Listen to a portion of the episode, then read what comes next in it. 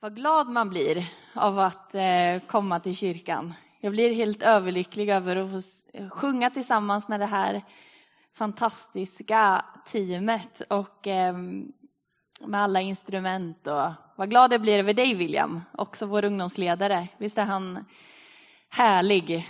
Eh, jag tycker att eh, det är så fint med, med att vi får ha en, en ungdomsledare som håller Eh, ja, med Guds ord varmt om hjärtat och får, har det i sitt hjärta att få dela med sig av det Gud har gjort till våran eh, liksom, nästa generation, eller den generationen som ju redan är, men som, som eh, kommer att eh, ja, fortsätta att vara, om man säger så.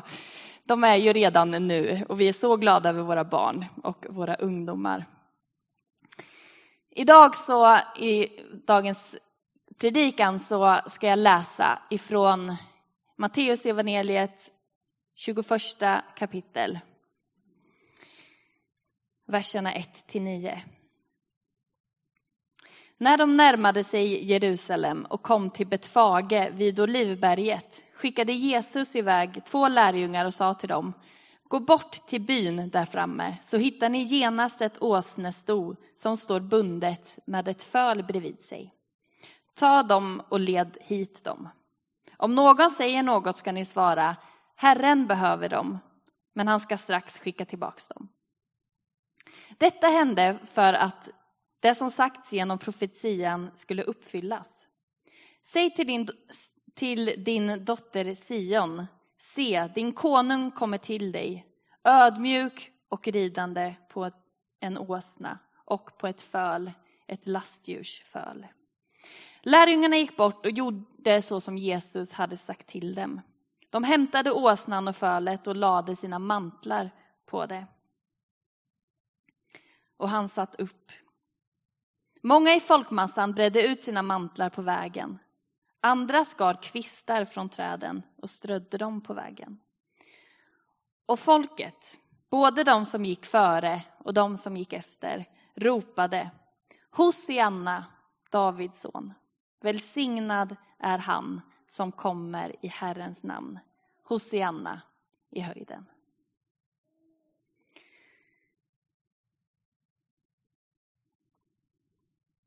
Vi är ju i en annan tid. Vi är i ett annat land än Sverige 2021.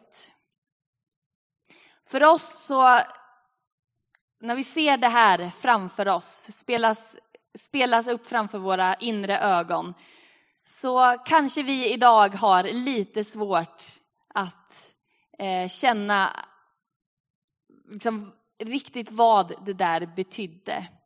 Men i Mellanöstern och på den här tiden så var detta att en man red in i en stad, genom stadens murportar det var en, eh, någonting som hände då och då. Och det var ett sätt som en eh, regent eller en krigsherre hade för att visa att nu har vi vunnit. Det var efter ett krig. Man hade samlat ihop sin här. Man hade några soldater som gick framför och några soldater som gick bakom. Och så red man in in i staden. Och folket som fanns i staden visste att nu har vi vunnit. Och man hurrade och man ropade. Det var ett tydligt maktspråk som talade om just seger. Men nu är vi i Jerusalem och det är lite annorlunda.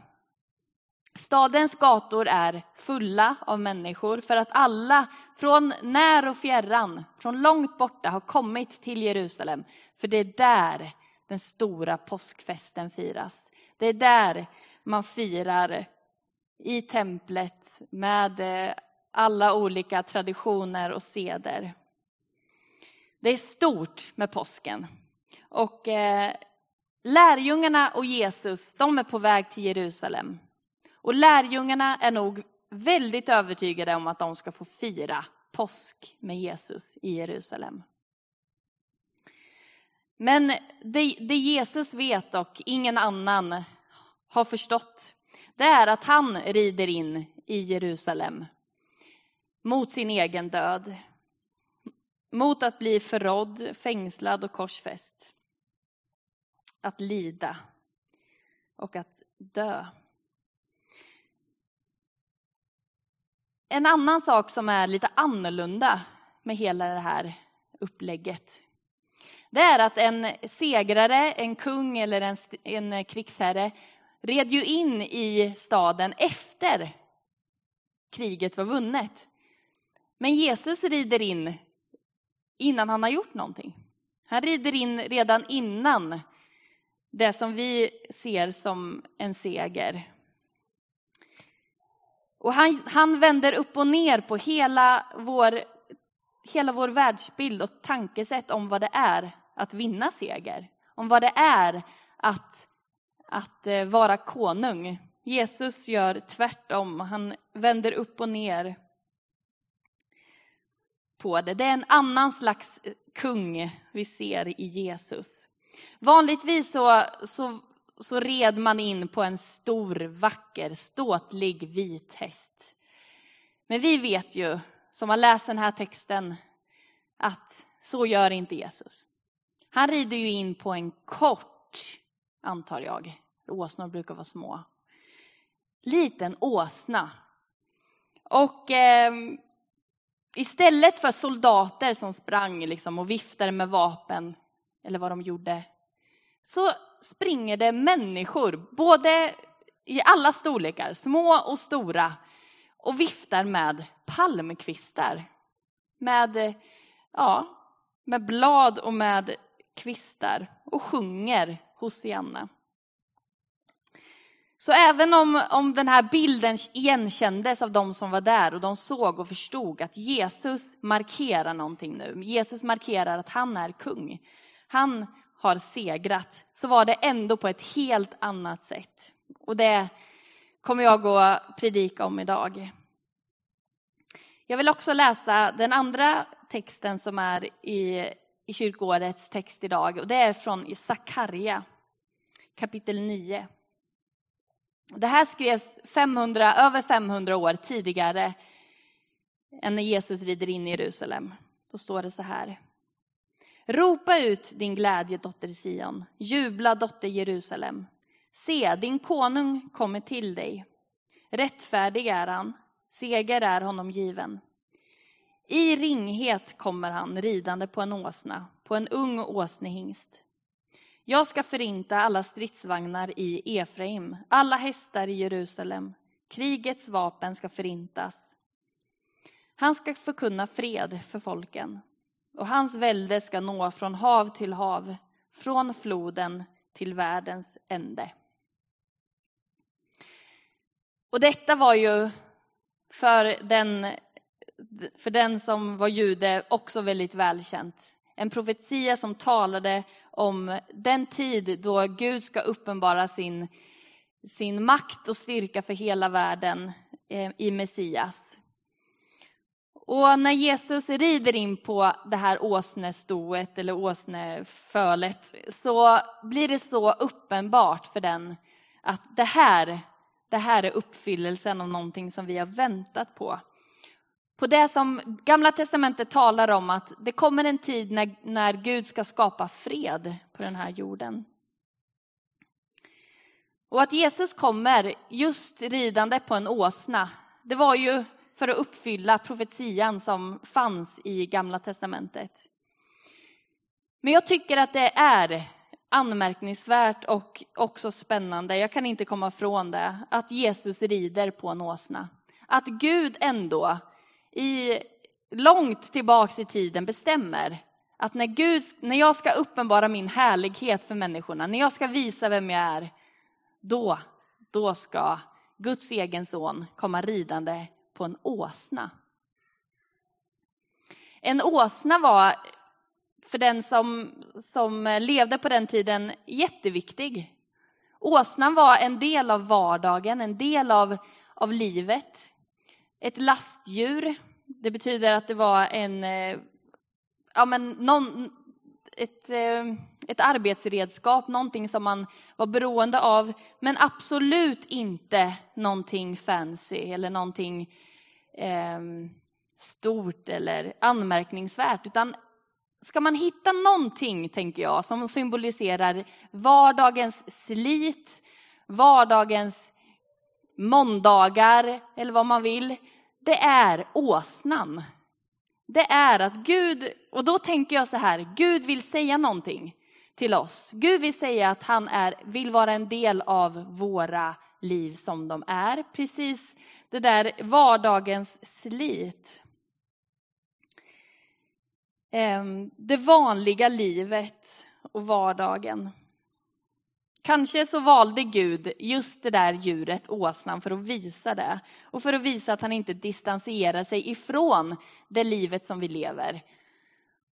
Dessutom, en åsna som jag sa, den är väl ganska kort ändå. En häst är ju jättestor, det vet jag, för min dotter rider. Och jag tycker de är jättehöga de där hästarna. Och jag fattar inte hur de vågar ge sig upp på ryggen på dem. Men en häst, om någon kommer in med en häst, då är man ju ganska så högt ovanför. Titta ner på den som står. Men kommer man på en åsna, då kommer man liksom inridande lite mer i huvudnivå på alla andra. Ja, jag tänker, jag i alla fall tänker att det säger någonting om Gud. Att det säger någonting om en Gud som kommer på ögonnivå med mänskligheten och som inte tittar på uppifrån och pekar och säger så, si och så ska ni göra. Utan han kommer, han vill bli ett med oss. Jesus kommer till oss för att han, han vill dela livet tillsammans med oss på samma nivå, ögonhöjd, blir människa.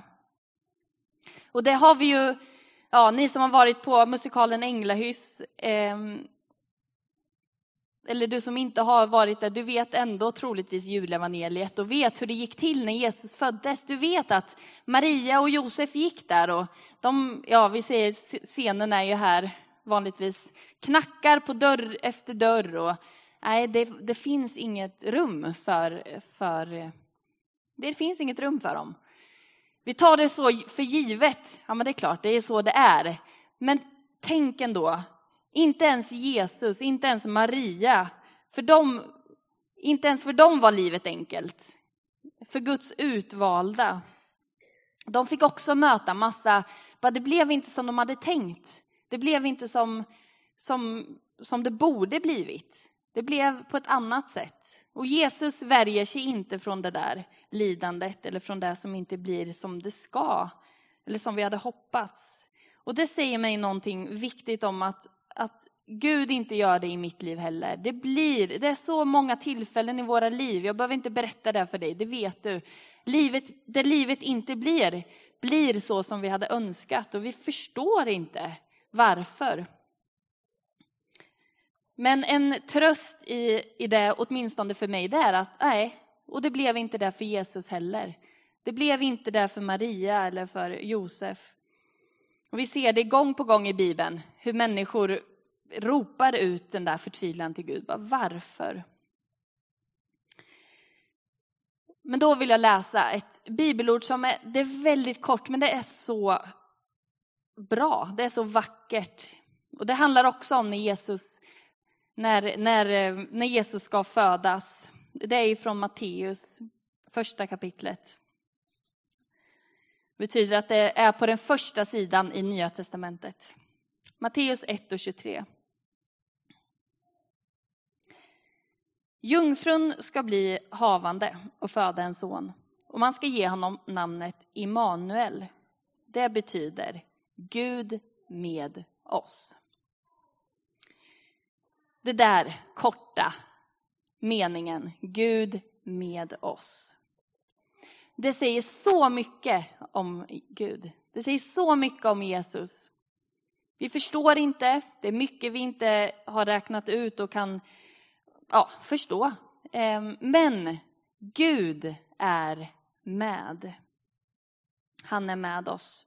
Och du som undrar vart han håller hus, vart hans makt är, eller har den frågan, så vill jag säga dig idag att Gud är med. Han är med dig. Han är med mig, han är med oss. Gud med oss. Och jag läste i Sakarja, om du minns det alldeles nyss. Då står det så här. Se, din konung kommer till dig. När jag läste det här bibelordet så blev det starkt för mig. Jag kände att där vill Gud säga någonting. Din konung kommer till dig. Alltså, om man tänker konungar vanligtvis, då är det ju någon som man kommer till, eller hur?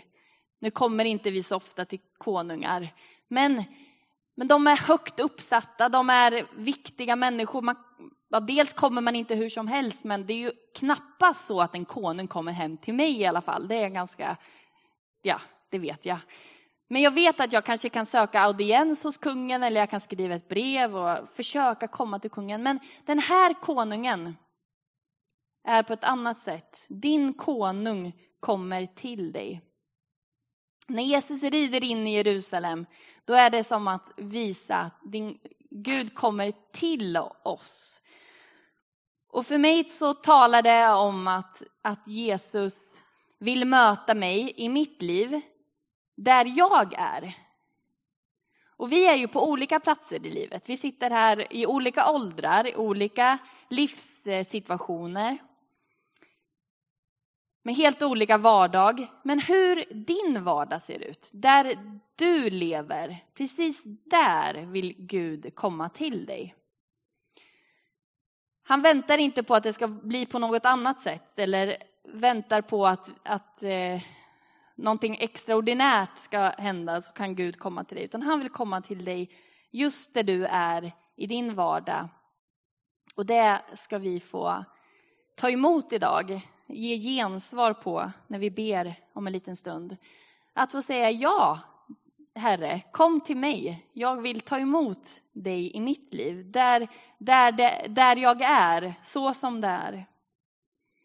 Och även om Gud inte svarar alltid på det sättet som vi önskar i, i våra böner, så, så är han där. Alltså hans närvaro. Det är min övertygelse i alla fall. Även om det inte alltid känns så, så tror jag att Gud, han lämnar aldrig. Han släpper aldrig taget. Och det gäller inte bara mig, det gäller också dig. Jag vill läsa ett bibelord från Jesaja 57 som har betytt mycket för mig. Så här står det från vers 15. Så säger han som är hög och upphöjd, han som tronar i evighet och vars namn är heligt. Jag tronar hög, upphöjd och helig, men finns också hos den modlösa och försagde. Jag ger de försagda mod, de modlösa kraft. Gud är hos oss.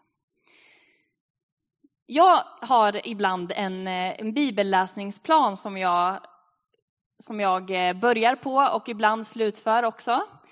Eh, den här bibelläsningsplanen som jag började för ett år sedan, det var Saltaren. Läs Saltaren på en månad. Jag läste ungefär en vecka och sen vet jag inte vad som hände.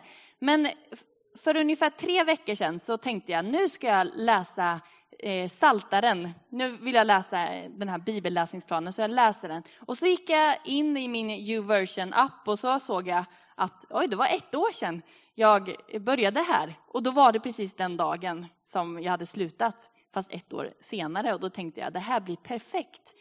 Jag tar mig an den här bibelläsningsplanen och läser Saltaren. Och vet du, det har betytt så jättemycket för mig. Det är Eh, det, är så, det finns så mycket fantastiska, tycker jag, meningar och ord i Saltaren som är, är det som balsam för själen. Jag, för den som tycker om litteratur så kan jag, nu gör jag det också till viss del, men jag är inte någon superfantast.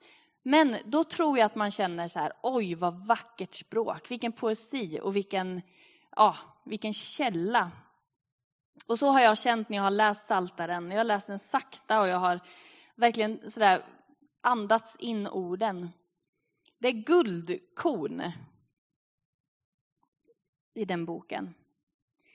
Den talar hoppfullt om Gud och den talar ärligt om livet. Inga, liksom, ja men det, det, är, det är fint och vackert.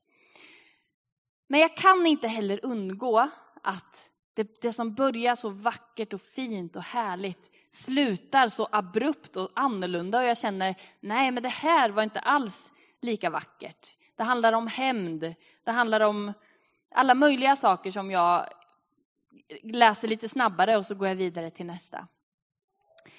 En del av de där sakerna i Saltaren som jag har lite svårt för, som skaver när jag läser, det är den där trosvissa utsagorna om att för den som älskar Gud så går allt bra. Jag vet inte om du har, har, har läst den någon gång, men det finns på väldigt många sidor i Saltaren. Att, ja, att bara, bara, jag, bara jag följer Gud så kommer kanske det går dåligt för alla andra, men inte för mig. Och när jag läser det tänker jag ju att, ja fast oh, så är det ju inte. Det där, det, det skaver liksom. Och en del som har läst det kanske har tänkt att, ja, men då säger det sitt tydliga språk, Gud har övergett mig. Eftersom det här har drabbat mig. Men så tänker inte jag. Jag läser vidare i, psalm, i Saltaren och jag märker hur det där skavet som jag känner när jag läser, det känner ju de också. David, när han, när han skriver, han säger, men jag följer ju dig, jag älskar dig Gud, men ändå så verkar det gå bättre för alla andra än för mig. Och man, han frågar sig varför, hur kan det hända? Och det betyder att de där frågorna som kanske du brottas med, eller som jag gör ibland, ja, de, de har människor brottats med i alla tider. Varför blir det inte alltid bra? Varför svarar inte Gud alltid på bön? Ehm, och det är också en tröst att få läsa de här salmerna, att få veta att Gud är med. Och i, hur det än är i livet så, så kan jag komma med det till Gud. Det är en tröst. Och advent, den här söndagen, de här texterna, de talar om just det. De talar om just att, att Gud har vunnit seger över ondska, över lidande och död. Men advent betyder ankomst. Och vi har tagit emot Jesus, han har fötts som ett barn, men han kommer också att komma. Det kommer också en ankomst sen. Och därför så ser inte livet ut så som det borde göra. Och därför är inte världen fullkomlig och därför är inte alla saker som, de, som Gud vill. Därför att en dag så kommer han komma tillbaka och upprätta den här världen, göra den så som den var tänkt att vara. Och jag vill läsa från Uppenbarelseboken, där det står just om hur det ska vara en gång i himlen. Ifrån 3, Uppenbarelseboken 21. Och från tronen hörde jag en stark röst som sade, se, Guds tält står bland människorna och han ska bo bland dem och de ska vara hans folk och Gud själv ska vara hos dem. Och han ska torka alla tårar från deras ögon. Döden ska inte finnas mer och ingen sorg och ingen klagan, ingen smärta ska finnas mer. Till det som en gång var är borta. Och han som satt på tronen sade, se, jag gör allting nytt. Det här är en vision om framtiden. Det är inte nu. Vi vet att vi möter både lidande och, och död i, i, i det som vi lever i nu. Men, men Jesus har samtidigt både besegrat döden eh, och samtidigt så kommer, kommer det en gång att besegras. Jesus red in i Jerusalem för att markera att han red emot seger även om vi vet att han red mot sin egen död. Hans makt ser inte ut som annan makt och hans seger inte som andra segrar. Gud segrade genom att låta sig bli besegrad. Vi förstår själva att det är något helt annorlunda. Han offrar sig. Och vi tror ju ibland att, att eh, seger, ja, men det är avsaknad av förlust. Eller att eh, styrka är avsaknad av svaghet eller att ljus är avsaknad av mörker. Men Jesus, när han dör på korset så visar han att seger vinns genom lidande och ljus, ljuset lyser i mörkret. Jesus gör någonting med, med vårt lidande och vår, vårt mörker och vår svaghet och visar sin styrka i det som är. Och det är någonting helt annorlunda en eh, världens och samhällets syn av styrka eller av, ja, av lycka. Man tänker att lycka, då ska det inte finnas någon lidande, då ska det inte finnas någon. Men, men även i vårt lidande kan vi få uppleva glädje. För att Gud finns i, i nära oss, Gud är med oss. Och det är en, ett vittnesbörd och en, en stor och fantastisk sak med den kristna tron, med, våran, med vårat liv, att vi är inte ensamma i det. Och jag, jag har mött många människor som, som jag har tänkt så här ibland att ja, men du är i ett mörker eller i ett lidande. Men samtidigt så ser jag hos den här personen hur, Guds, hur glädjen eller hur, hur, hur eh, ljuset får vara eh, ännu starkare hos den människan. Därför att det blir en sån, ett sånt vittnesbörd om att Gud är med trots allt. Och jag vet att många av er ber för en eh, församlingsmedlem i vår församling som lider mycket just nu, Monica, som drabbas av cancer och som har mött mycket svaghet och mycket, ja, men mycket lidande. Och, och jag pratade med henne häromdagen och hon sa att jag fick, att jag fick nämna det.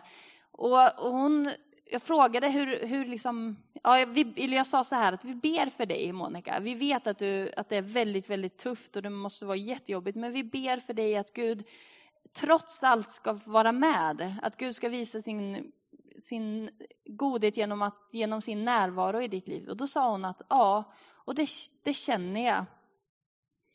Och det vet jag, att Gud är med. Och så berättar hon liksom, om att Gud, trots hur det är, så fick hon, hade hon fått berätta om Gud för en, en, eh, ja, en annan patient på sjukhuset som hon är på just nu. Och eh, att just det här, då sa jag till henne med att hoppet, om, att hoppet är så starkt och det bär även människor runt henne. Att även om det kan se hopplöst ut, så har man tron på Jesus så är det inte hopplöst. För att det finns ett hopp som bär och det är större och starkare. Och att få se det där, det tycker jag, det blir så starkt för mig att, att Gud är med och att Gud, ja men att, att styrkan inte ligger i bristen på svaghet eller avsaknad av det. Utan att det är mitt i mörkret som Gud visar sitt ljus. Till avslutning så vill jag säga någonting kort om, om det som folket ropar. När Jesus kommer in ridande så ropar folket Hosianna. Och vi har sjungit det i flera sånger idag med. Det är ett ord som, som används kanske lite som en, en slags hejaramsa eller man liksom, Hosianna, det, vi upphöjer dig. Men det betydde också någonting.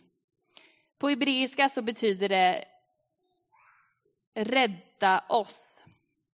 Snälla, snälla rädda oss. Det är en vädjan och en, en, en uppmaning till den som red där att rädda oss. Och jag vet inte vad du känner idag att du behöver bli räddad ifrån. Men jag vet att vi alla behöver bli räddade. Vi behöver stämma in i det ordet. Hosianna.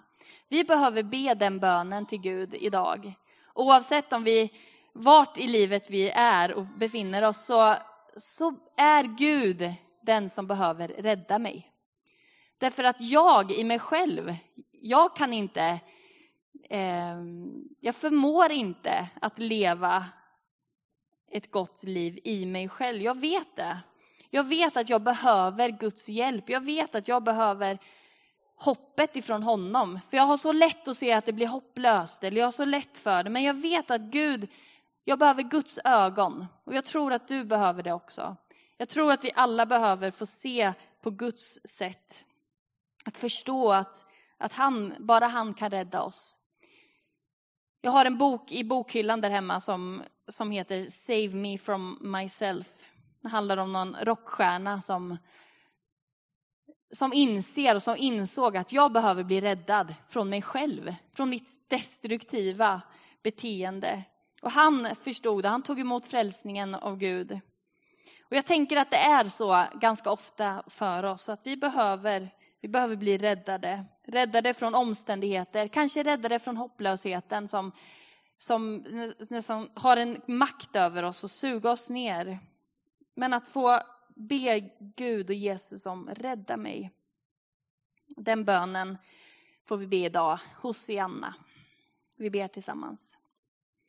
Jesus, jag tackar dig för att du har ridit in i Jerusalem, för att du också har ridit in i våra liv, Gud, att du har kommit som en konung och du säger att du kommer till oss. Och jag vill idag stämma in i den kören av, av människor framför och bakom som ropade Hosianna, rädda mig. Herre, vi är, eh, vi är så beroende av din hjälp, av din räddning, Herre. Till evigt liv, till dig, Gud. Men i de liv vi lever här och nu så behöver vi dig. För att inte dras ner, Herre, utan att få, istället få lyftas upp av dig. Av din godhet, av din nåd. Och jag vill idag be en särskild bön för den som, som eh, brottas med livet och med frågorna, med, kanske med hopplösheten. Gud, kom med din räddning. Visa din godhet och din nåd. Och tack för att du vill komma till oss där vi är. På vår nivå, i ögonhöjd. Tala till oss, uppmuntra oss. Herre, välsigna var och en som har kommit hit idag, Gud, som lyssnar. Tack för att du möter. Och tack för att du vill, du vill överösa med din godhet. Och att ditt ljus lyser i mörkret och att mörkret inte har övervunnit det. Tack för att det inte finns något mörker som är mörkt för dig. Tack för att du är ljus. Vi får ta emot det, Herre, ditt ljus och din godhet och din nåd, Herre, mitt ibland oss. Tackar dig för det, Herre. Vi kan göra så att vi ställer oss upp och eh, medan eh, lovsångsteamet kommer fram så vill jag också bjuda in dig att, att när vi sjunger tillsammans och är inför Gud i, i bön och i lovsång så, så har du möjlighet att gå fram till ljusbäraren som är här på vänstra eh, sidan och tända ett ljus. I det så tänker jag att det är en bön om att Herre kom med ditt ljus. Det kanske handlar om in i ditt liv. Det kanske handlar om en, en situation eller en omständighet där du ser att jag behöver hoppet ifrån himmelen. Jag behöver Guds hopp, Jesus Kristus, in i mitt liv. Eller in i, i en människa som du tänker på och ber för. Vi har också förebedjare som sitter här precis vid korset längst fram. Så kom gärna och, eh, och, och ta tillfället att någon får be om Guds välsignelse och hjälp in i den situationen där du är. Och vill du ta emot Jesus och säga ja, jag vill, jag vill att du ska få komma in i mitt liv, så har du också all möjlighet att få gå fram och, och få förbön. Så vi är tillsammans i, i tillbedjan och i bön och så, eh, så uttrycker vi vår bön på det sättet som, som vi önskar idag. Så varsågoda.